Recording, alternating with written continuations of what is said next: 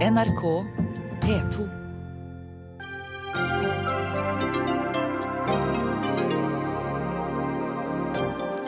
Hemmelige opptak fra Treholt-saken blir likevel nedgradert. Udramatisk, sier statsadvokaten. Seier for pressen, sier Redaktørforeningen. Regjeringen vil utvide Vinmonopolets åpningstider mot fagforeningens vilje. Sjokkerende at de ikke følger spillereglene i arbeidslivet, mener Handel og Kontor. Og Høyre-representant vil ha barna på skolebenken fra de er fem år gamle. La barn være barn, svarer Kristelig Folkeparti.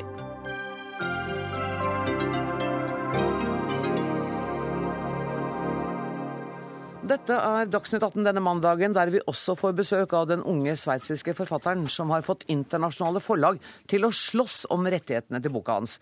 Joël Dicker er på sitt første norgesbesøk. Men først. Lydbåndene fra den lukkede delen av rettssaken mot Arne Treholt blir frigjort. Utenriksdepartementet, Forsvarsdepartementet og Politiets sikkerhetstjeneste har lyttet seg gjennom mer enn 100 timer opptak fra rettssaken i 1985, der Treholt ble dømt for landssvik og spionasje. Konklusjonen er at påtalemyndigheten nå går inn for å frigi opptakene. Statsadvokat Lasse Kvikstad, dette satt langt inne. Nei, ikke for påtalemyndigheten. Eh, påtalemyndigheten har rett og slett ikke tatt stilling til dette spørsmålet. Det som vi tok stilling til, det skjedde i fjor sommer, eller på forsommeren i fjor. Hvor eh, vi skrev et brev til lagmannsretten og varslet om at det som ble nedgradert, det ville vi også gjøre tilgjengelig for pressen. Og det er akkurat det som har skjedd nå. Slik at vi har egentlig bare bekreftet det vi sa i skriftlig form i juni i fjor. Påtalemyndigheten har aldri hatt en oppfatning av hva som bør være gradert, ganske enkelt fordi vi heller ikke har forutsetninger for å vite det. Da må man inn i aktuell militærplanlegging og utenrikspolitiske forhold. Og det er påtalemyndigheten ikke det best kvalifiserte til å vurdere. Men er det ikke slik at pressen begjærte innsyn i disse lydopptakene, eller innhør i lydopptakene, allerede i 2006, og at dere faktisk har argumentert mot? Vi argumenterte mot den gang, og det ble avsluttet i 2007. Eh, Og så hørte vi ikke noe mer om den saken før, eh, like før gjenopptakelseskommisjonen skulle avgjøre den gjenopptakelsesbegjæringen som forelå. Og da var PST om at vi fikk i hvert fall tid til å vente til eh, gjenopptakelseskommisjonens avgjørelse forelå. Og de varslet at de da ville gjennomgå saken på nytt. Og, men pressen valgte da, noe de i og for seg har anledning til, å kjøre saken inn direkte for retten, og der har den i grunnen vært siden. Ja. Så det er etter Høyesteretts kjennelse at dere fikk egentlig fortgang i saken? Ja, fortgang og fortgang. Vi, Ja, har vi ba om at departementene foretok denne gjennomgangen nå, ganske enkelt også fordi det nærmet seg den 30-årsfristen hvor de måtte gjøre det. Men det er et stort arbeid, men påtalemyndigheten har ikke hatt noe med dette å, å gjøre. Du var en av aktorene under rettssaken mot Arne Treholt.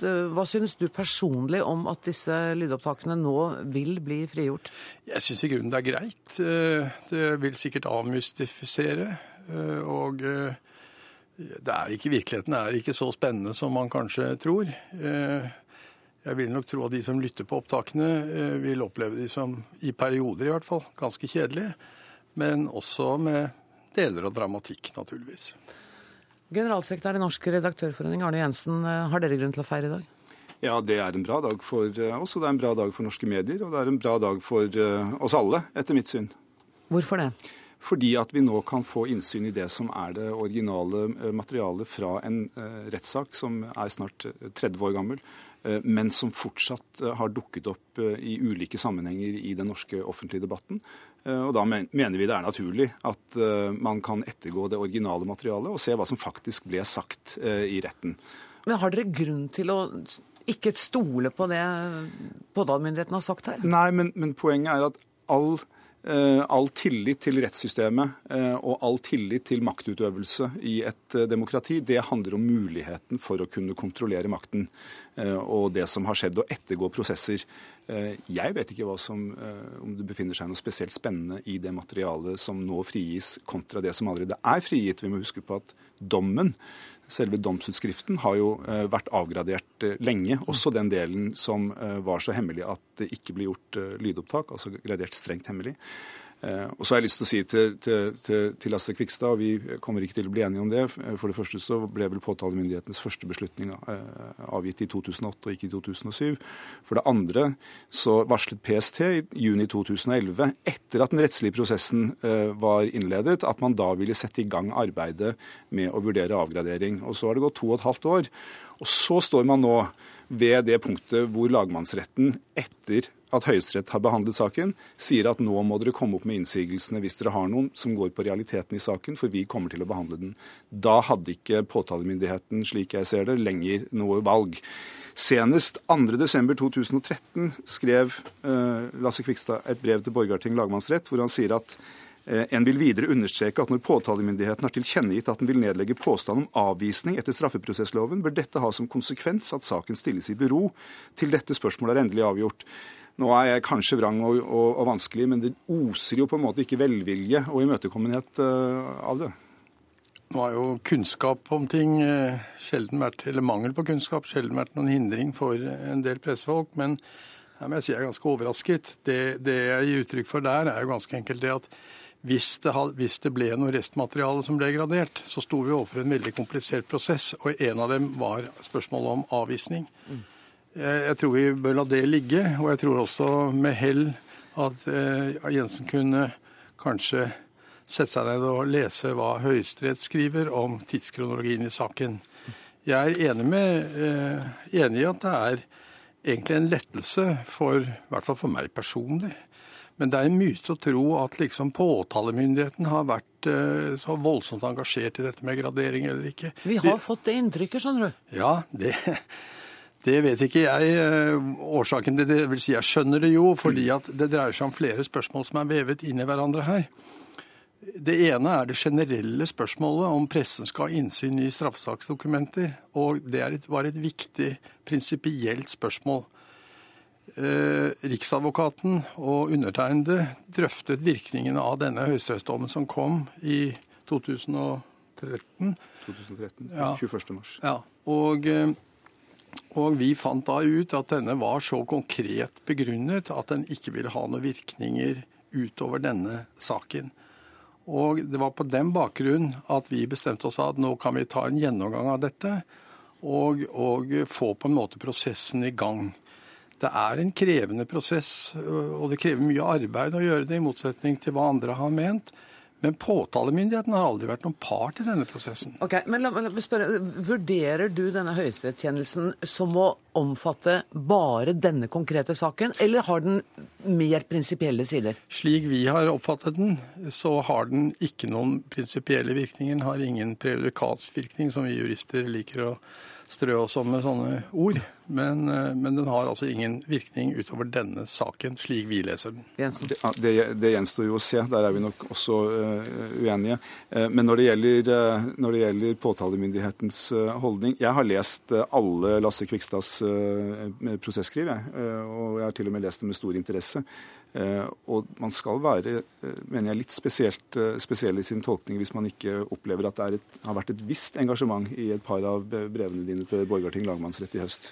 Poenget for oss er at vi må jo forholde oss til det faktum at saken er brakt inn for domstolene. Vi kan ikke bare liksom si at dette får andre ta seg av. Eh, vi har på en måte Jeg mener at den ryddigste og enkleste og beste måten hadde vært om pressen hadde faktisk fulgt det som PST la opp til i, i, for, for, noen år siden, hvor de sa at Eller i 2011, var vel det. Hvor, hvor eh, vi sto overfor avgjørelsen fra Gjenopptakelseskommisjonen. Da varslet PST at de ville eh, starte en gjennomgang av saken, ta initiativ til det. Men det tok pressen ikke hensyn til. De brakte den direkte inn for domstolen før den overhodet ble behandlet av noen. Og man kan ikke kjøre tre, to løp på en gang. Den var, den var brakt inn for domstolene før PST ja, er, kom med sin konklusjon. men, dette, men dette, er litt, det, det, gjør oss andre litt forvirra når dere snakker litt internt. Men, men Jensen, eh, den, disse lydbåndene eh, Det skal jo nå en kjennelse til fra Borgarting lagmannsrett eh, for å oppheve dette. Hva venter du da av en sånn kjennelse nå? Nei, Jeg venter at den klart og tydelig eh, sier noe om hva som er eh, At dette nå er eh, åpent og avgradert og skal, og skal frigis. Det, Bør vi ha tilgang til alle dokumenter i straffesaker? Journalister, altså? Nei, alle dokumenter, det, eh, det, vet jeg ikke. Men i dette tilfellet her så dreier det seg om Men vi bør ha tilgang til mest mulig. Det, handler, og det tror jeg ikke engang Lasse Kvikstad er uenig i. Eh, for det handler om kontrollen med, med rettsapparatet å gjøre. Og vi har jo eksempler i, i, relativt nyere norsk rettshistorie på det faktum at en gjennomgang, og for den saks skyld lydbåndopptak, har vært ganske avgjørende. Liland-saken ville trolig ikke vært mulig å få opp på bordet igjen hvis det ikke var fordi at det ble gjort et uautorisert lydopptak. Mm. Og Strengt tatt så burde man, slik intensjonen nå er, og slik det er gjort eh, vedtak om, intensjonsvedtak, ha lydopptak fra alle norske rettssaker, for derigjennom å kunne ettergå i ettertid hva som faktisk ble sagt. Det er en ny diskusjon som vi ikke rekker å ta i dag. Vi konkluderer med at norsk presse er fornøyd i dag, og statsadvokaten er heller ikke misfornøyd. og Da er vel verden sånn den pleier å være. Tusen takk for at dere kom, statsadvokat Lasse Kvikstad og generalsekretær i Redaktørforeningen Arne Jensen.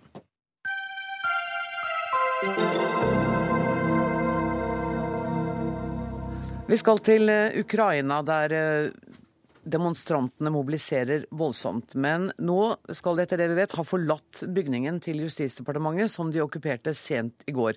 Justisministeren har truet med å erklære unntakstilstand hvis de ikke forlot bygningen. Og utenriksmedarbeider Morten Jentoft, du er med oss fra Kiev. Var det trusselen om unntakstilstand som fikk demonstrantene til til slutt å gå?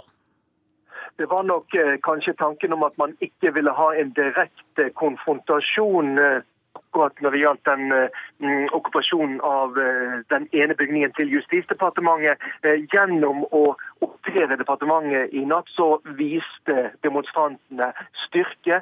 De viser at eh, de er i stand til å, å, å, å gjøre den type eh, okkupasjoner. Eh, de viser at makten er i ferd med å smuldre opp, i alle fall i deler av, av, av, Kiev her.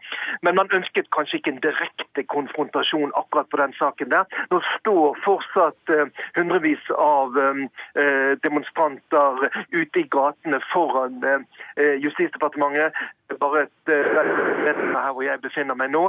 Sånn at De opprettholder jo en slags blokade, men de har Eh, gått ut av selve bygningen for å unngå en direkte konfrontasjon akkurat på den saken. Du var inne i bygningen tidligere i dag eh, mens, det, mens bygningen fortsatt var okkupert. Hva sa de demonstrantene du snakket med da? Så er det at dette er symbolhandling, selvfølgelig. Eh, Justisdepartementet er jo de som styrer i, i, i, Ukraina. En omstridt sak er jo hva som skjer med de demonstrantene, ikke bare her i Kiev, men andre steder landet som er eh, arrestert pga. disse demonstrasjonene. Eh, fra opposisjonens side så sier man jo at de bør settes fri så raskt. Det var nok en markering i forhold til det. Men fra myndighetenes side så er jo, sa man jo det at dette er jo helt selvmotsigende. Men nettopp i eh, Justisdepartementet nå satt og jobbet med et slags kompromissforslag som kunne gjøre at demonstrantene ble satt fri. Tusen takk for at du var med i Dagsnytt 18, eh, Morten Jentoft. Tor Bukkvold, forsker, Forsvarets forskningsinstitutt. Kan dette opprøret stanses med makt? Nei, Nå tror jeg begynner å bli sint. Skulle de ha gjort det, så måtte de ha gjort det før. Eh, de kunne gjort det før det spredde seg til andre delene av Ukraina. Men nå er, nå er det opprør så mange plasser og det opprørspolitiet som Janukovitsj har brukt ganske mye penger på de siste tre åra, de er likevel ikke veldig mange. Eh, sånn at nå tror jeg det, det vil være vanskelig. Det er kanskje ikke umulig, men det er i hvert fall mye vanskeligere enn det var før demonstrasjonene spredde seg. Men ser vi her en regjering som er satt helt ut av spill? Nei, de er nok ikke det. Det kan nesten virke sånn. Men eh, de er fremdeles regjeringa. De har fremdeles eh, deler, eh, mye, store deler av statsapparatet lojalt til seg. Så jeg tror nok de sitter på makta ennå. Det er ikke sånn at eh, opposisjonen bare kan diktere det den vil nå. Det er fremdeles en forhandlingssituasjon. Er det en enhetlig og på en måte solidarisk opposisjon vi ser? Ja, Det var et uh, veldig nyttig spørsmål, særlig i forhold til det Morten Jentoff snakka ja. om. For det at De som okkuperte Justisdepartementet i dag, det var en gruppering som heter Felles sak da på norsk. Eh, og jeg har sett på ukrainske nettsider i dag at andre deler av opposisjonen har kritisert det at felles sak gikk inn og okkuperte det departementet, fordi at det var å gå for langt. Eh, så er det en annen ting er at det er ikke bare bare å innføre unntakstilstand heller. fordi at uh, I tillegg til at presidenten skal kunngjøre det, så skal også et flertall i parlamentet godta en unntakstilstand. Og Dere så jo òg i dag at det er ganske stor tvil om parlamentet ville godtatt en sånn noe, hvis man hadde prøvd. Men det skal jo være et møte i parlamentet i morgen? Det er riktig. og Mange har jo snakka om det som en slags D-dag, det som skjer i morgen. Det kan hende at det er opposisjonen som har gjort det litt for å legge press på regjeringa. Men det er veldig viktige ting som skal diskuteres i parlamentet. Eh, og mange avgjørelser kan fattes i morgen, men man skal heller ikke bli overraska hvis prosessen fortsetter ganske uavklart òg etter møtene i morgen. Nå, nå er Morten Jentoft faktisk fortsatt eh, med oss. og han sier, Du har noen opplysninger om et møte som skal være i kveld, Morten? Ja, eh, Det kom akkurat nå melding om at nå sitter faktisk president Viktor Janukovitsj sammen med opposisjonens ledere. og eh, Det henger nok veldig sammen kanskje med det som Tor Bokvold også snakket om, denne, dette møtet i parlamentet i morgen som blir veldig avgjørende. Men det er klart at før det møtet så må det også avgjøres en god del ting på kammerset. Og det er kanskje ting eh, nettopp som skal avgjøres i morgen, som drøftes mellom opposisjonslederne og president Viktor Janukovitsj, som sitter altså sammen akkurat nå i kveld. Eh, Bukkvold, er det sånn at hvis partene nå viser noe forhandlingsvilje, så, så, kan man komme til en slags minnelig løsning på denne konflikten? Ja, jeg tror det er mulig. Eh, og det er mye mer mulig nå enn det var for to dager siden. Eh, det er langt fra sikkert, men det er, det er noe, håp, et håp om at han skal komme fram til en sånn løsning. Og jeg tror at det er flere årsaker. Delvis er det nok mange i kan si, regimet eller kretsen rundt Janukovitsj som ikke har mage rett og slett til å kjøre på en sånn maktløsning. Eh, og delvis så frykter man at hvis man skulle slå ned eh, oppstanden med makt, så ville man miste forbindelsen til vest. Så ville man sitte på enerom med Putin, og man er veldig redd for Putin. Og det ønsker de rett og slett ikke. Det virker som situasjonen er ganske kaotisk akkurat nå? Ja, er, nå er den veldig kaotisk. Og vi kan bare håpe da at det blir litt mindre kaos i morgen. Men eh, det kan nok ennå trekke noe lenger ut. Tusen takk for at du kom til eh, Dagsnytt 18, Tor Bukkvold, og takk også til Morten Jentopp, som var med oss fra Kiev.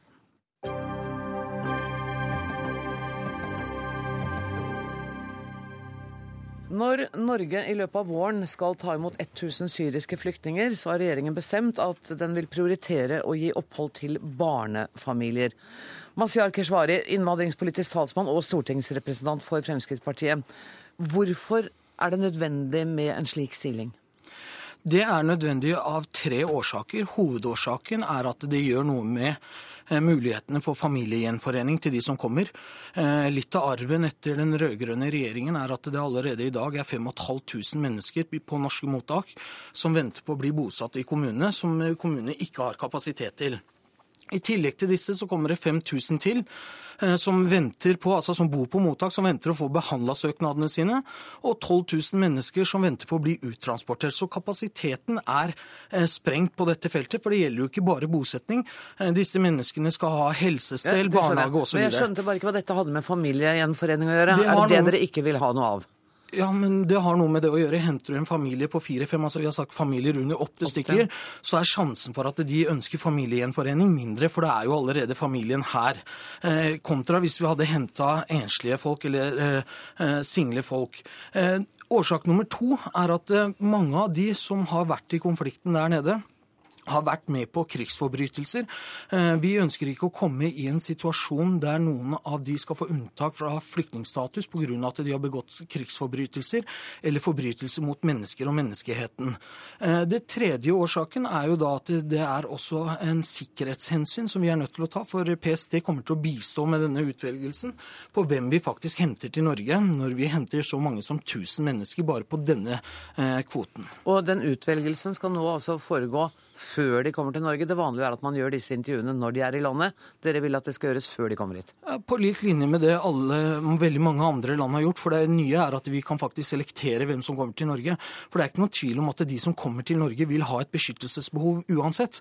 Og da er det jo mye bedre at vi tar imot de som vi kan bosette, fordi familier er lettere å bosette. For da slipper kommunene å bekymre seg over at det faktisk kan komme mange flere gjennom familiegjenforening. Eh, og da er det jo bedre at vi plukker ut de som vi har en reell mulighet til å hjelpe, til tross for at kapasiteten er sprengt etter åtte år med rød-grønn regjering. Torgeir Knag Fylkesnes, stortingsrepresentant for SV. Dere mener at en sånn siling av flyktningene er skammelig, leste jeg i dag? Ja, Den er helt uh, utrolig. Jeg tror man ikke tar inn over seg den alvorlige situasjonen som er i Syria nå. Til nå har da 100 000 mennesker blitt drept. Det er 6,5 millioner mennesker som er på flukt innad i Syria. Det er altså størrelse på Norge uh, pluss en million uh, i bevegelse innad i landet. Og så er det litt over to millioner som er, som er flykta ut av landet. Og I en sånn situasjon så foreslår regjeringa at det skal stilles et krav om at familien må være samla dette er et land i kaos, i dyp kaos. Så det betyr at veldig mange av de som er i flyktningleirer her, er ikke samla som familie. Så det betyr jeg kan ikke forstå noe annet. Det betyr f.eks. at barn som har havna på flukt og som har mista sine eh, foreldre, her ikke vil få lov til å komme. De vil bli sila ut eller selektert ut, for å bruke eh, begrepet til Frp. Og Det syns jeg bare er helt vanvittig at man skal kunne være så grådig eh, på hva type folk man skal ha inn i, inn i vårt eget men, land. Ikke man skal stille krav. Altså jeg mener at Prinsippet bør være de som trenger hjelp mest, Alle de skal få det hjelp. først. Alle disse her er etter FNs høykommissær for flyktninger plukka ut som flyktning og har flyktningstatus. Samtlige av tusen er mennesker som trenger reell beskyttelse, som har en beskyttelsesbehov. Ellers så hadde ikke de kunnet komme under kvoteordningen. Men, Men det, det, som er, det som er skam... Vil barn bli ja, selektert ut? De vil komme sammen med sine familier, tusen uh, stykker. Hvis ikke de har familie, men, men, vil de bli selektert si, ut? Altså, du, det er enkelt spørsmål. Ja, jeg kan komme tilbake til det. Men det jeg syns er virkelig uh, skammelig og uverdig, er at det gikk opp for Sosialistisk Venstreparti og den rød-grønne regjeringen at det var en konflikt i Syria først når de skulle ut av regjeringskontorene. Denne konflikten starta ikke i juli eller august 2013, denne starta i 2006. Dere gjorde ingenting med det. Dere tok ingen utover det som var det vanlige. Eh, kvoteflyktninger, og dere gjorde det om til et uh, politisk spill som er uverdig. Men ha, det er, er, det, er, det, ikke riktig at det var UNHCR, altså Høykommissæren for flyktninger, som ba om et hastevedtak på det tidspunktet? Man ventet ikke tre år vel på å få det besvart. Det kom da, og så svarte regjeringen. Eller har jeg misforstått? Jo, det stemmer. Vi har jo sagt at vi skal ta imot 1000, men innenfor, de, altså innenfor den kvoten vi har. fordi som sagt, da, 5500 mennesker ja, som har fått opphold Dere utvider ikke kvoten med 1000 sånn som det lå an til? Altså, Nei, dere utvider med med 500. Ja, men grunnen til det, nei, Vi har sagt 500 kunne vi ta, eller 1000 innenfor kvoten. Og vi har nå valgt å ta 1000 fordi det er prekær situasjon i Syria. Det er jo ingen eh, uenig i. Så Problemet... blir, kvoten blir på en måte Bare la meg forstå dette her. Kvoten blir altså ikke større? Nei, det er eh, ca. 1600 som man skulle ta imot innenfor kvoten. Så hadde vi sagt vi kan sette av 500 til det, eller 1000 totalt innenfor kvoten. Og nå tar vi imot 1000 syrere innenfor den kvoten. Sånn at da blir det andre som ikke kommer inn i den kvoten, fordi at syrerne tar en større del av den? Altså, er, det riktig? Som, ja, mennesker ja. som er på flukt og trenger beskyttelse, er mennesker som er på ja, flukt og trenger eh, beskyttelse. Om... Men det er prekær situasjon i Syria. Men når vi har fem For realiteten sånn som den er nå, er altså at vi ikke utvider kvoten med 1000 flyktninger? Nei, det gjør vi ikke. For vi har ikke kapasitet til det heller. Vi har som sagt 5500 mennesker som har bodd to, og tre og fire år på mottak, som ikke blir bosatt i kommunene. Eh, og da kunne vi ikke tatt imot eh, enda flere. Men, Men hvis, vi, hvis vi, bare får litt sånn klarhet i diskusjonen her. Ja, det stemmer at det er rundt 5500 mennesker som venter på å få et bosted. Og litt av grunnen til at vi sliter med å få de bosatt, vi har jo, når vi satt i regjering, økt integreringstilskuddet, botilskuddet osv. Det er jo at kommuner, og da spesielt påfallende kommuner der Frp sitter eh, og har makta, ikke vil ha det inn. Men, men, det er nå på en måte en avsporing av diskusjonen, men det er viktig å ha med. Men mitt spørsmål var veldig enkelt. Betyr den, den, det kravet som regjeringa her stiller, betyr det at enslige mindreårige asylsøkere, som er barn som er på flukt, som har mista foreldrene sine, vil de bli selektert bort? Ja eller nei? Altså det, det, vi har sagt, det er det det betyr. At vi prøver å ta imot familier, hovedsakelig under åtte stykker, der familien er samlet. Så det er barn, det som skal komme til Norge. Som virkelig de som trenger dette her mest Poenget er at de barna de som virkelig trengte det mest, eh, i alle de åra dere satt i regjering, så tok dere ikke noe som helst ansvar for de barna i det hele tatt. Med den nye regjeringen så vil faktisk 1000 stykker klare å komme. Men barn, dette henger disse tinga de dette ting, Jo, kommer de sammen med foreldrene sine? Altså, tusen, tusen mennesker, altså alle disse menneskene som kommer til Norge, har en behov for beskyttelse. Hvorfor SV skal drive og gjøre dette til en uverdig spill om hvem som skal få lov til å komme, det er dere som gjør et poeng ut av det. Vi sier at alle de tusen er jo mennesker som FNs høykommissær for flyktninger har sagt har krav på å komme til Norge. Men vi er i en situasjon i Norge, og den situasjonen har vi ikke kommet til under de 100 dagene vi har vært i, eh, i regjering. Eh, folk som har sittet i asylmottak og venta på bosetting, har gjort det i to og tre år. Det er- Da må vi ta imot det som gjør at vi ikke risikerer at det kommer masse på familieetablering på toppen av det hele, det vi- ettersom vi ikke har kapasitet til Nå har du bare gjentatt det argumentet. Men, men han har jo et poeng. Det har altså, situasjonen har blitt verre og verre under den rød-grønne regjeringen, og den nye regjeringen overtar disse problemene. Altså Det som er situasjonen, det er at vi eh, har økt integreringstilskuddet og botilskuddet, men vi har ikke klart å få bosetting til så mange som vi hadde ønska. Som du sa. Mm. Vi kommer til å foreslå en del tiltak nå fremover som jeg håper som at eh. Frp Ja, vi har kommet med tiltak på rad og rekke. Men det som er situasjonen her, er jo at man, eh, at man vil selektere kun samla familie. Og det er fordi at man ikke vil ha familiegjenforening. Fordi at Frp vil ha færre flyktninger. Og Det overrasker meg ikke at Frp mener det. Men det som vil overraske meg, det er hvis KrF og Venstre støtter den linja der, som vil være en, en utrolig eh, behandling av de som trenger hjelp Men det er jo rart at det overrasker deg når du ser realiteten selv og er kjent med tallene. Grunnen til at kommuner ikke har, altså, ikke har tatt imot Det så mange, er, det, er- nei, nei, det er ikke bare Frp-kommuner dette gjelder. Det er kommuner som blir styrt av Senterpartiet, SV og andre. Grunnen til det er jo ikke bare bosettinga. Disse menneskene som sagt, de trenger alle andre eh, tilbud som er i samfunnet også. Og det, det er en kapasitet på et land på fem millioner mennesker hvor mange vi kan ta imot. Og når vi vet også kostnadene, altså, eh, som, som man gikk igjennom, Finansavisens gjennomgang i fjor av Statistisk sentralbyrå sine tall, viser jo at det er jo ikke bærekraftig økonomisk heller, så vi kunne gjort veldig mye mer for mennesker. Det er langt over 1000 hvis vi hadde eh, brukt eh, pengene i nærområdene. Og det er jo alle partier enige om at vi skal gi nødhjelp til Syria. Og der må jeg sette strek for denne debatten og si tusen takk for at du kom, innvandringspolitisk talsmann og stortingsrepresentant for Frp, Mazyar Keshvari. Torgeir eh, Knag Fylkesnes, jeg ber deg sitte, for skal, du skal være med på neste tema. For det skal nå nemlig dreie seg om barn. Høyres utdanningspolitiske talskvinne foreslår at barn skal starte ett år tidligere på skolen enn de gjør i dag. Hun får støtte av flere i partiet, men eh, skepsisen er stor fra flere kanter. En av dem som ikke kommer til å støtte et sånt forslag, er Kristelig Folkeparti. Anders Tyvand, du sitter i utdanningskomiteen på Stortinget for Kristelig Folkeparti. Og hva er din skepsis grunnet i? Jeg mener at eh, vi må la barn få være barn mens de er det. eh, Og jeg ser ingen grunn til at vi skal plassere fire- og femåringer eh, på skolebenken. Eh, Barn lærer veldig mye i løpet av de første leveårene, og det gjør de eh, gjennom lek. Eh, Jeg har inntrykk av at Vinje anser barns læringspotensial de første leveårene som et slags ubenytta potensial, men det er jo helt feil. Barn lærer utrolig mye av å gå i barnehage. Eh, De, bare tenk på hvor mye man faktisk kan når man begynner på skolen. I løpet av de første årene har man lært å snakke et språk flytende. Eh, Man har lært å gå og løpe og leke. Man har lært en mengde sosiale og kulturelle eh, regler eh, og koder. Så det er ikke sånn at barnas læringspotensial først utnyttes til fulle når det offentlige begynner å stille læringskrav. Men hva er det du er redd skal skje hvis femåringene begynner på skolen? Nei, Jeg er først og fremst opptatt av at barna skal få lov til å være barn. Og jeg tror at barn har best av å utvikle seg eh, gjennom lek. Eh, hele utdanningskomiteen var og besøkte OECD eh, i forrige uke, og da fikk vi presentert eh, forskningsmateriale som viste det at eh, barnas læringsevne er absolutt størst mens de er små, altså faktisk før skolealder.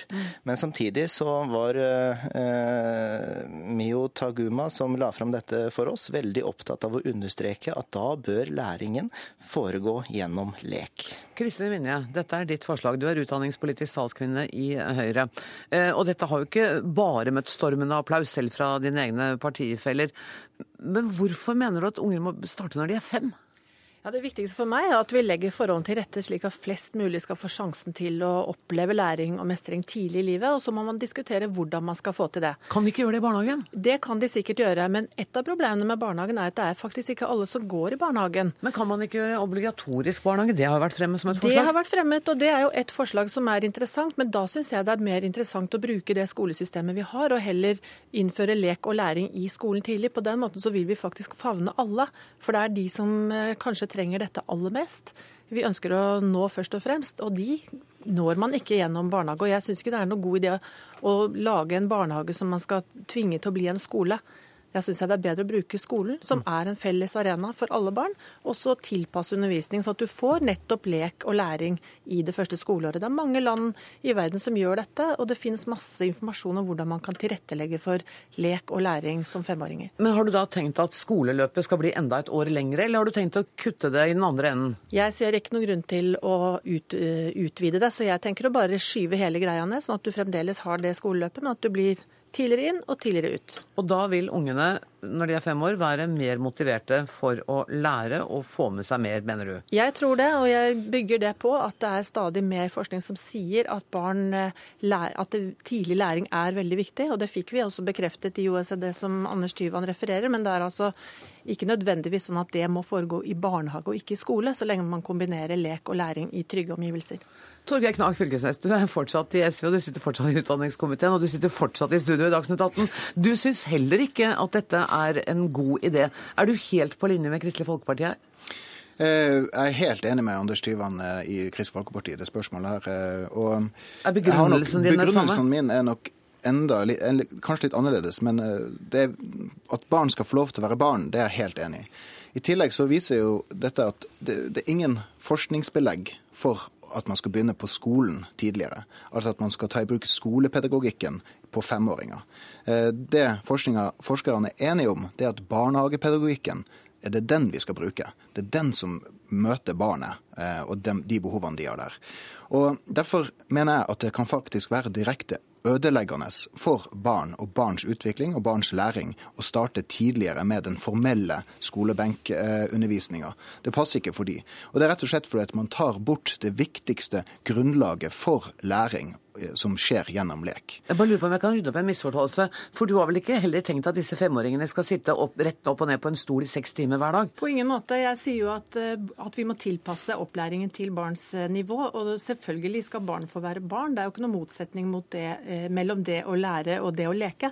Det er to sider av samme sak. Og det er jo, man kan tilpasse opplæring likevel i en skole som i en barnehage. Det er jo ikke noe skarpt skille mellom barnehagepedagog og skolepedagogikk. Det altså, er det. Ja, men du kan jo anvende den pedagogikken som du mener er tilpasset det årstrinnet. Hovedpoenget mitt er at alle barn går faktisk ikke i barnehagen, og da går du kanskje glipp av den, den delen av barneflokken som kanskje trenger dette løftet aller mest. For det vi ser i skolen i dag, er at sosial skille det forsterker seg i skoleløpet. og dette, dette her vil være et virkemiddel som kan bidra til å få det bort. Men her er vi inne i det som er kjernen, tror jeg. Eh, det tror jeg at, at, Høyre her ikke har skjønt at det faktisk foregår systematisk læring i, i barnehagen. Det, får, det, er en, det, er et pedagogisk tilbud der, men det er bygd på barnas premisser. Men når man da ønsker bare å skyve hele løpet eh, enda litt lengre ned, så, så er jo det den store gulroten som jeg så de argumenterte for i Aftenposten, det at de vil komme tidligere ut i arbeidslivet. Altså være tidligere arbeidskraft, og dermed så vil man øke. Da slår det meg at man, har, man hører mer på markedslogikken enn man hører på kunnskapet på, på, dette feltet, her, som er entydig. Dette er ikke eh, bra for barn. Kristin Winne må få svare kort ja. på det der med markedslogikken før jeg ja, går til Det er jo bare rent uh, tull og tøys. Ja, okay. at, og det finnes jo heller ikke noe en entydig resultater av forskning på dette feltet. Det er en massiv kunnskapsbase med dette. og Så målet ditt er ikke å skaffe en generasjon med yngre, mer kraftfulle arbeidstakere? Det er mitt, mål, mitt, mål er å, mitt mål er å legge til rette sånn at flest mulig av barna våre skal få en best mulig utgangspunkt i livet. og Da må vi treffe alle. og Da tenker jeg at det er vel så viktig å diskutere og få til det i skolen, som er en felles arena. Men da må jeg bare høre med Anders Tyvand. Er du enig med SV i at en tanke kunne vært obligatorisk barnehage for disse femåringene? Nei, Jeg syns for det første at det er problematisk å si at alle fire-femåringer må i barnehage, og at det ikke skal være lov å velge annerledes. Men nå er det jo faktisk sånn at 97% av alle femåringer allerede går i barnehagen. Eh, og Grunnen til det er jo at foreldrene opplever det eh, som den beste løsningen. Men også forslaget om obligatorisk barnehage, som NHO har eh, fremma, og som Knag Fylkesnes har uttrykt seg positivt til, det innebærer jo at man innfører læringskrav for fire- og femåringene. Og jeg mener at det er unødvendig. Jeg syns at små barn skal få lov til å lære og utvikle seg eh, gjennom lek. Læringen må foregå på lekens og på barnas premisser, og ikke med tanke på at de skal utvikle seg til å bli så effektive produksjonsenheter som mulig i det framtidige eh, arbeidslivet. Målet er jo nettopp å gi alle barna like muligheter, sånn at de kan få brukt seg selv, oppleve glede ved å mestre ting. Et barn som ikke mestrer, vil føle seg mislykket og kanskje ikke få så gode forutsetninger i livet. Så målet er jo definitivt å sørge for at flest mulig barn skal få den muligheten i livet til å lykkes. Det høres ut for meg som dere liksom i realiteten er enige om at barn skal få være barn og utvikle seg i det tempoet de vil. og så at man at det ender opp med sånn orddiskusjon. Skal det hete skole eller barnehage?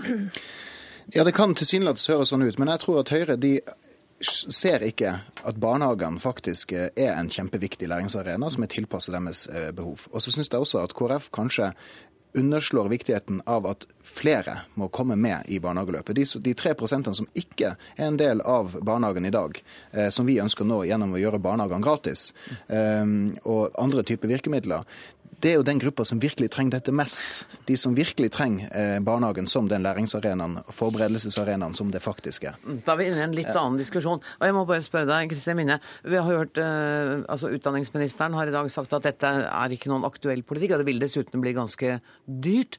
Så at du, eh, du kommer ikke til å fremme dette som noe krav på Høyres neste landsmøte? Det, jeg kommer ikke til å fremme det som krav nå, det står ikke i regjeringsplattformen. Det det men det jeg ønsker å bidra til, er at vi får en ordentlig debatt om vi skal, hvordan vi skal sørge for at flest mulig får en best mulig mulighet til en god start på livet. Og da er det jo ikke sånn at Høyre ikke skjønner hva som foregår i barnehagen. Det er jo bare tøys. Altså, vi vet det, men vi ønsker faktisk å å bringe inn den muligheten ved å drive tidligopplæring i skole, når vi nå begynner å diskutere hvor mye skole som skal inn i barnehage. Da bør vi egentlig ta den debatten. Og den debatten er i gang. Ja, vær, så god, du skal få lov å få siste ord, Anders Tyvand. Ja, jeg tror ikke at vi gir barna en bedre start i livet ved å sette dem på skolebenken når de er eh, fire år gamle. Jeg tror at vi gir dem en best mulig start i livet ved å la de utvikle seg på sine premisser mens de er små barn, og så kan eh, utdanningsløpet begynne når de er seks år. Tusen takk til Kristin Vinje, Torgeir Knag Fylkesnes og Anders Tyvand. Hør Dagsnytt 18 når du vil, på nettradio eller som podkast. nrk.no – dagsnytt 18.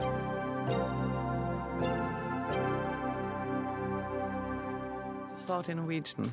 Uh, I en alder av 28 år er han allerede et fenomen. Hans roman 'Sannheten om Harry Køberg-saken' er solgt til 32 land. Penguin Books har aldri utbetalt et større forskudd til en forfatter, og kritikerne har gått over ende av begeistring. Forfatteren, 29 år gamle sveitseren Joel Dicker, welcome to Dagsnytt 18. Thank you. Hi. Thank you very much for inviting me. Um, this novel uh, was presented at the book fair in Frankfurt in 2012. Yeah, it's all already. It was a year and a half ago. what, what, happened? Yeah, it's it's a very funny story because when the book came out in France, it came very slowly. It took like at least six or eight weeks to be a, a bestseller in France. And before that, before being a bestseller in France, immediately it gets a lot of attention in uh, the book fair in Frank- Frankfurt. It's like completely amazing. And I was absolutely amazing because of that. How is that possible to have for foreigners to be so much into the book more than people in France and in, in Switzerland? It was absolutely amazing. But you must be a very impatient person because six to eight weeks to, to become a bestseller is not I, a very long time in my mind. I, yeah, you're right. And now it's true. And when I say it, I'm like, yeah, maybe, maybe I'm a bit pushy. But for my publisher in France, he was a bit worried because, I'm, I mean, I was completely unknown and the book was not, you know, getting higher and higher. And he was like looking at the rates and he was a bit worried, you know. But now he's not worried any longer. Now he's very happy. He's a very happy man. Yeah. Very, very... You're on the top of the bestseller list, and Fifty Shades of Grey have sort of been reduced to nothing. Victory. Victory for you. Um, it's a it's a big book. I've read this a couple of times, so it's a bit uh, tired. Um, but it's also said that this is a book within the book. Yeah. Was that your intention? Yeah, it was absolutely. It was. I would even say it was. It's a book about a book about a book. Right. But you need to finish the book to know that. So I don't want to spoil the end. But it was the intention while I was doing the book. I was not. I did not start the book thinking, "Oh, I'm going to do a book about a book." I start like doing a story, not very aware of what I wanted to do. I just was sure I wanted to set the story in the, the, United States because I was in the States as I started to write a, the book. And then, as I was writing the plot and into the plots, I said, oh, I could write a book about a book.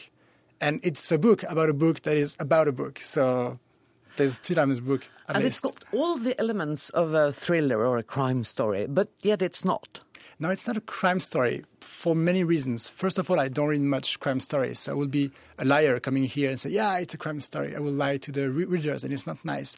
And secondly, I guess I'm pretty sure that you could take out the crime of the book. Nora Killogan could be dead in a car accident, for for instance, and the story, the plot will remain the exact same. Hmm. There will be less sus- suspense for sure, but it will remain the exact same. And, and it's all, it's all- not all about, but the event is um, the disappearance of a young girl Yeah.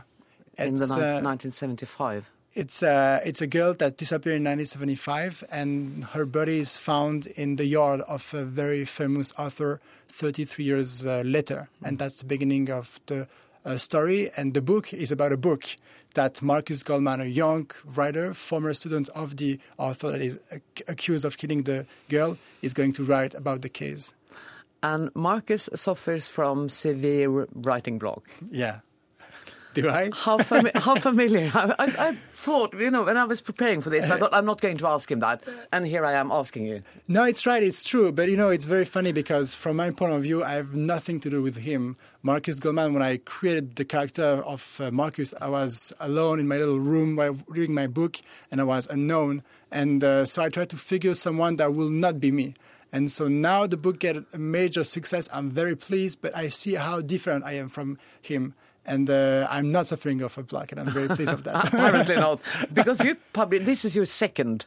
You published two books the same year, didn't you? Yeah, I did. But the the previous one, which is my first book published, but it's my it's the fifth that I wrote. Okay. So I tried to find the publishers for the fifth first book. The fifth one, it took me two years and a half to find a publisher, begging people, trying to find one. And so it took me two years and a half to find the publisher, but it gave me two years and a half to write another book. Okay. So that's why when my first book finally gets published, I had all the time in the world to write another one, which is uh, the truth about the Harry Kebats affair. Let me guess, it's going to be easier to find a publisher now. I hope so. Um, one of the things that I, I like that is, is that Marcus gets uh, advice Yeah. from his mentor, uh, Harry Quebert. And um, one of them is that at the end, always give your reader a surprise, a twitch, Yeah. something, because you want to keep them. Um, where did you get all these advices from? It's all, are they all from your own head? Yeah, absolutely. I invented the, the advice, and I was like, but really? I was very afraid that people would think, but this guy is pretentious. Who do you think he is? He's 28.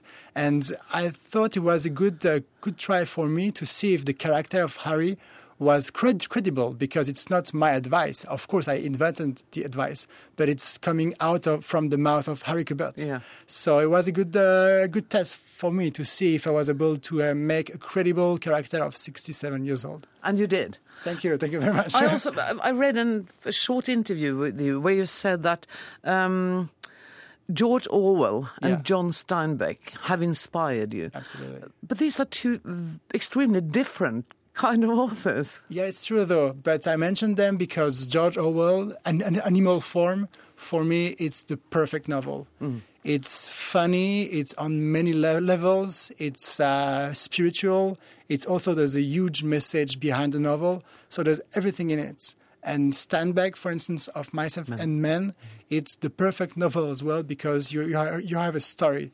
You have a storytelling. You want to sit. You want to listen to the author to the guy that, we, that is going to tell you the story of Len- Lenny and what happened. And I think for me, those two novels are the perfection in what a novel should be. Um, did it ever occur to you that sort of 600 pages might be a bit much for the reader? Yeah, I was very afraid that no one will read the book. I was very afraid. And so what surprised me every time is when people tell me, oh, I read your book in three days. I was like, how possible? How is that possible? I was so afraid that no one would like it. Uh, that's a great relief. And in the same way, I'm like, but what did I do? I would like to have a magic, you know, a magic trick. I would like to know for the next book, of course. But I guess that's the magic and the beauty of books. I think you have to be very pleased that a half a million, no, one and a half million people already read it. Yeah, I, I am. I am. And now I'm it's so in happy. Norwegian. And, and you were delayed when you came in today. Absolutely. the a lot of snow snow was- here. I see that, but it's very nice. I'm very pleased to be here. How Such long are you country. staying? Uh, till tomorrow. Okay. Have a very nice day and thank, Thank you, you. so much Thank for coming to. Dagsnytt 18. Thank you. Thank you.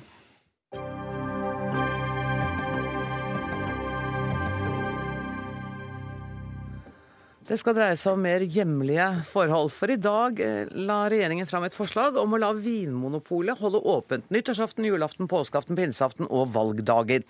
Forslaget har bred støtte i Stortinget. Likevel er Handel og Kontor, som organiserer drøyt 1000 vinmonopolansatte, imot forslaget. Trine Lise Sundnes, leder i LO-forbundet Handel og Kontor. Hvorfor er dere så kritiske? Nei, altså det, er, det, er, mange lag i denne saken. Eh, kanskje Først og fremst er det regjeringens fremgangsmåte her, som bryter fundamentalt med den norske modellen og hvordan man involverer partene i arbeidslivet når man skal foreta endringer. Så er det jo eh, de alkoholpolitiske aspektet. Og så er det også eh, kollektiv rett som er beskytta av internasjonale bestemmelser. Som innebærer? Som innebærer at her er det en tariffavtale som eh, regulerer fridager og arbeidstid.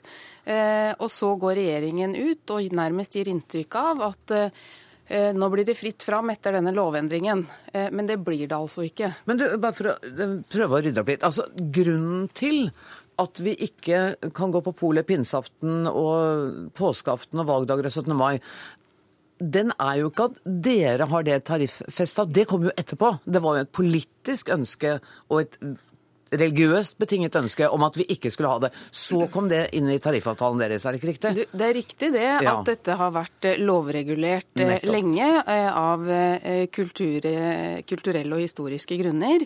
Det ligger i, regulert i våre tariffavtaler eksplisitt. Som et resultat av lovgivningen? Ja, men det er helt uinteressant. Okay. Fordi hvis regjeringen nå endrer lovgivningen, eh, og som de sier vil gi en adgang til Vinmonopolet til å holde åpent, så er det likevel sånn at Vinmonopolet må forholde seg til de avtaler de er bundet av. Tariffavtale med, eh, åpnings, altså med eh, bestemmelser om fridager. Mm. Um, så er det jo selvfølgelig sånn at eh, arbeidsgiver kan komme til vårens forhandlinger eller, eller neste gang man skal forhandle, med krav om at de skal bort.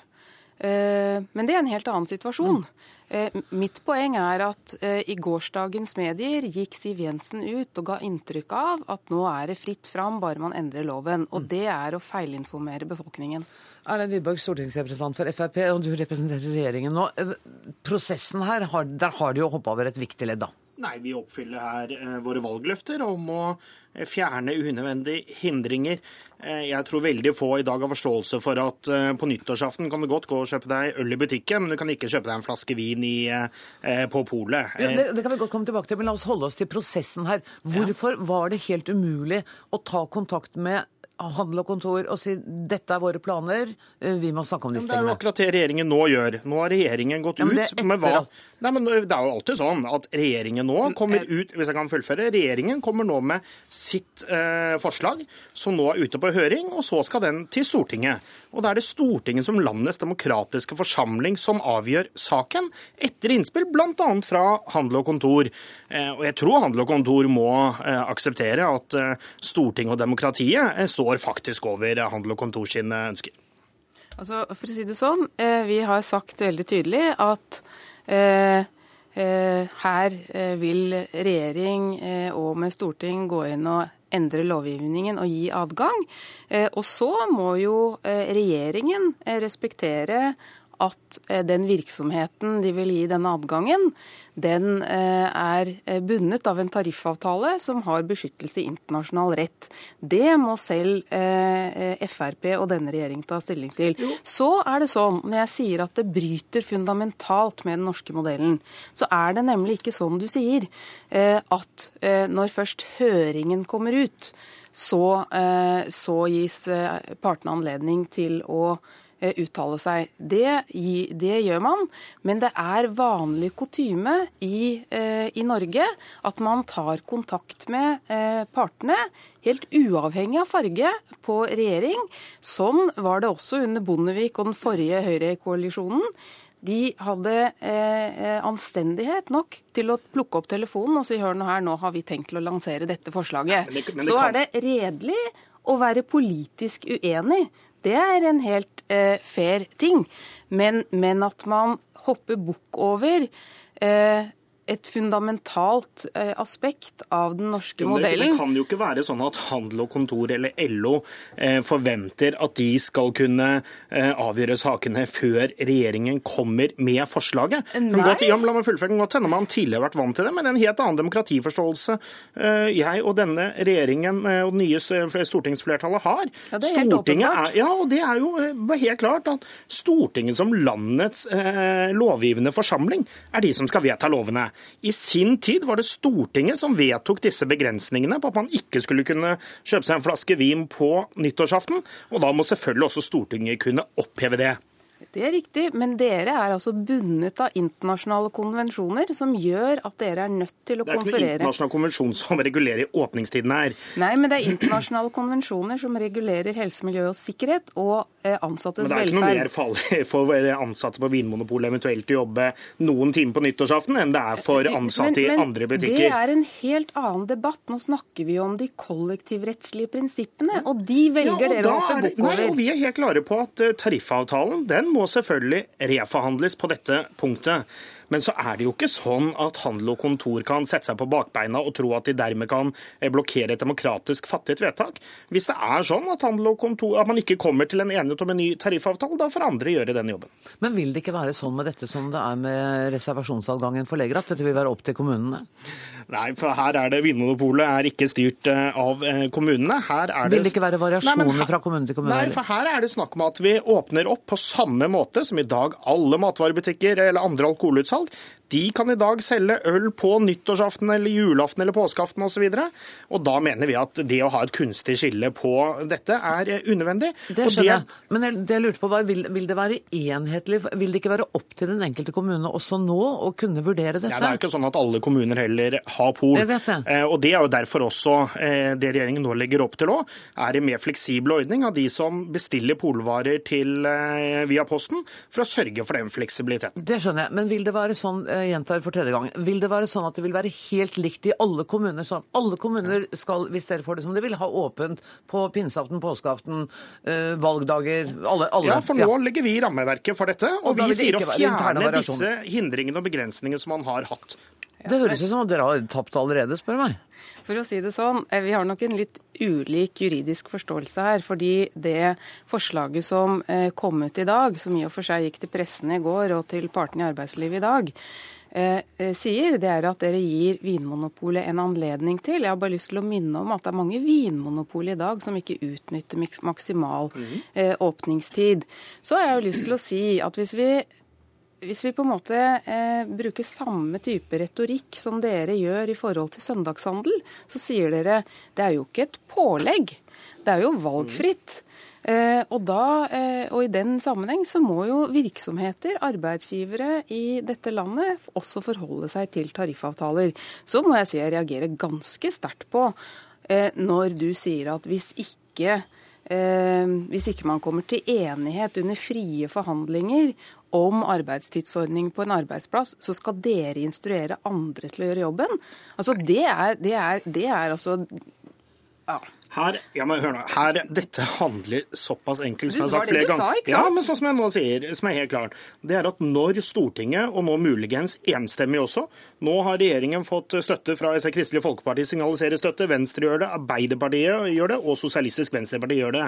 Og Da syns jeg at Handel og Kontor heller burde akseptere dette, og så lage gode ordninger rundt dette på hvordan vi kan fjerne en unødvendig hindring eh, som bare irriterer folk. Det er med polet skal være stengt på nyttårsaften, eh, påskeaften, valgdagen osv.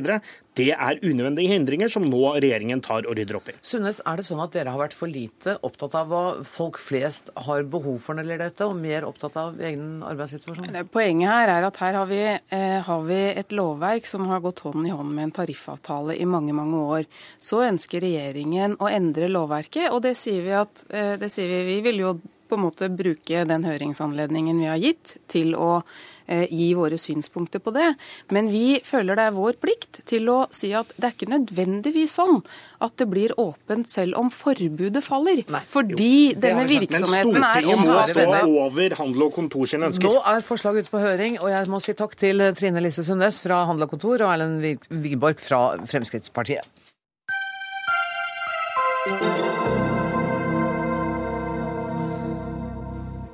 I en artikkelserie i den tyske avisa Die Welt kommer ukjente sider ved nazitoppen Heinrich Himmler fram. Himmlers korrespondanse med bl.a. datteren og kona har kommet i lyset etter 69 år på avveie. Materialet består av hundrevis av brev, postkort og fotografier.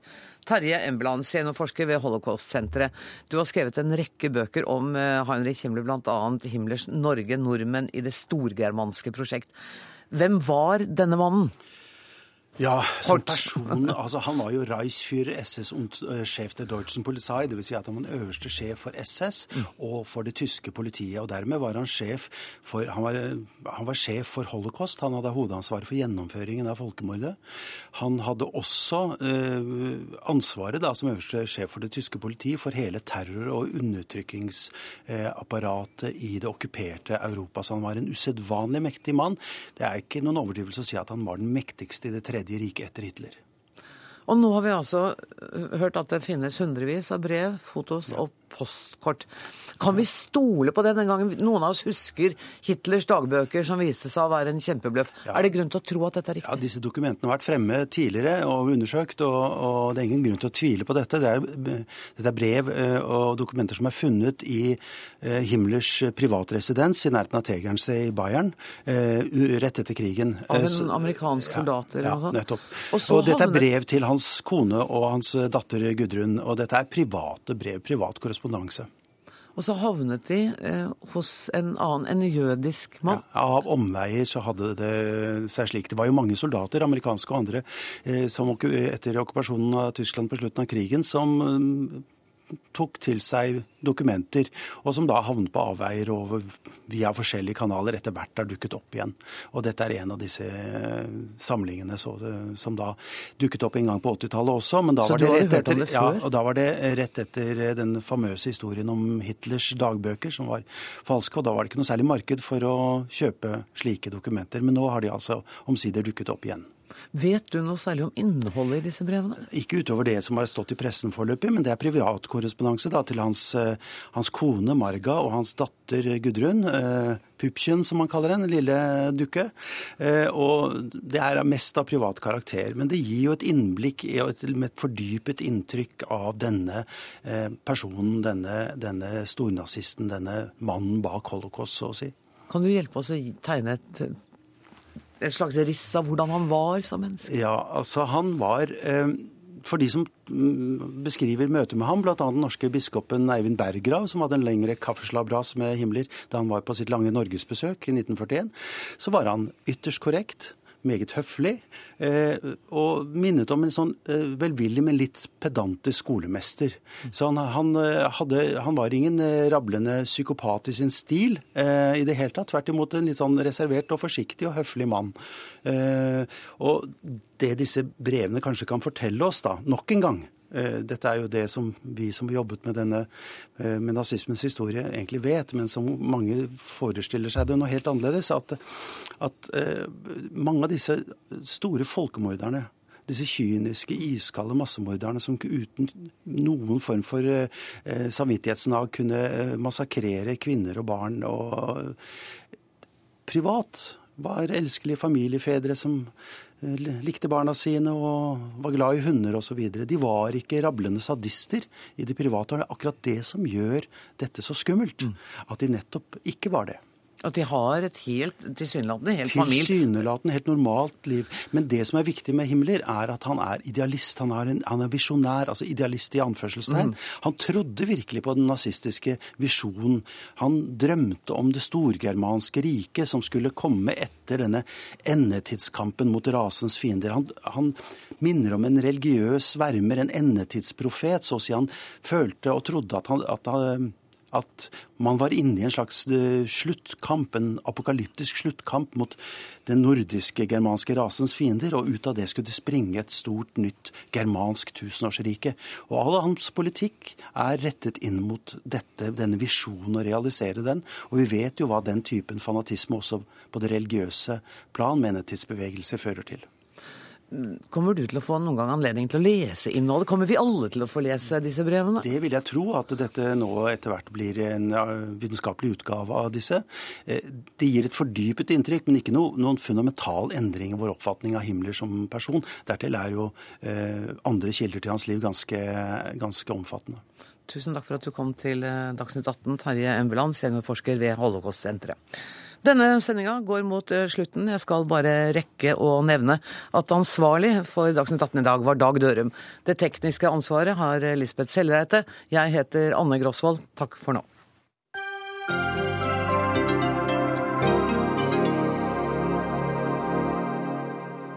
Hør flere podkaster på nrk.no podkast.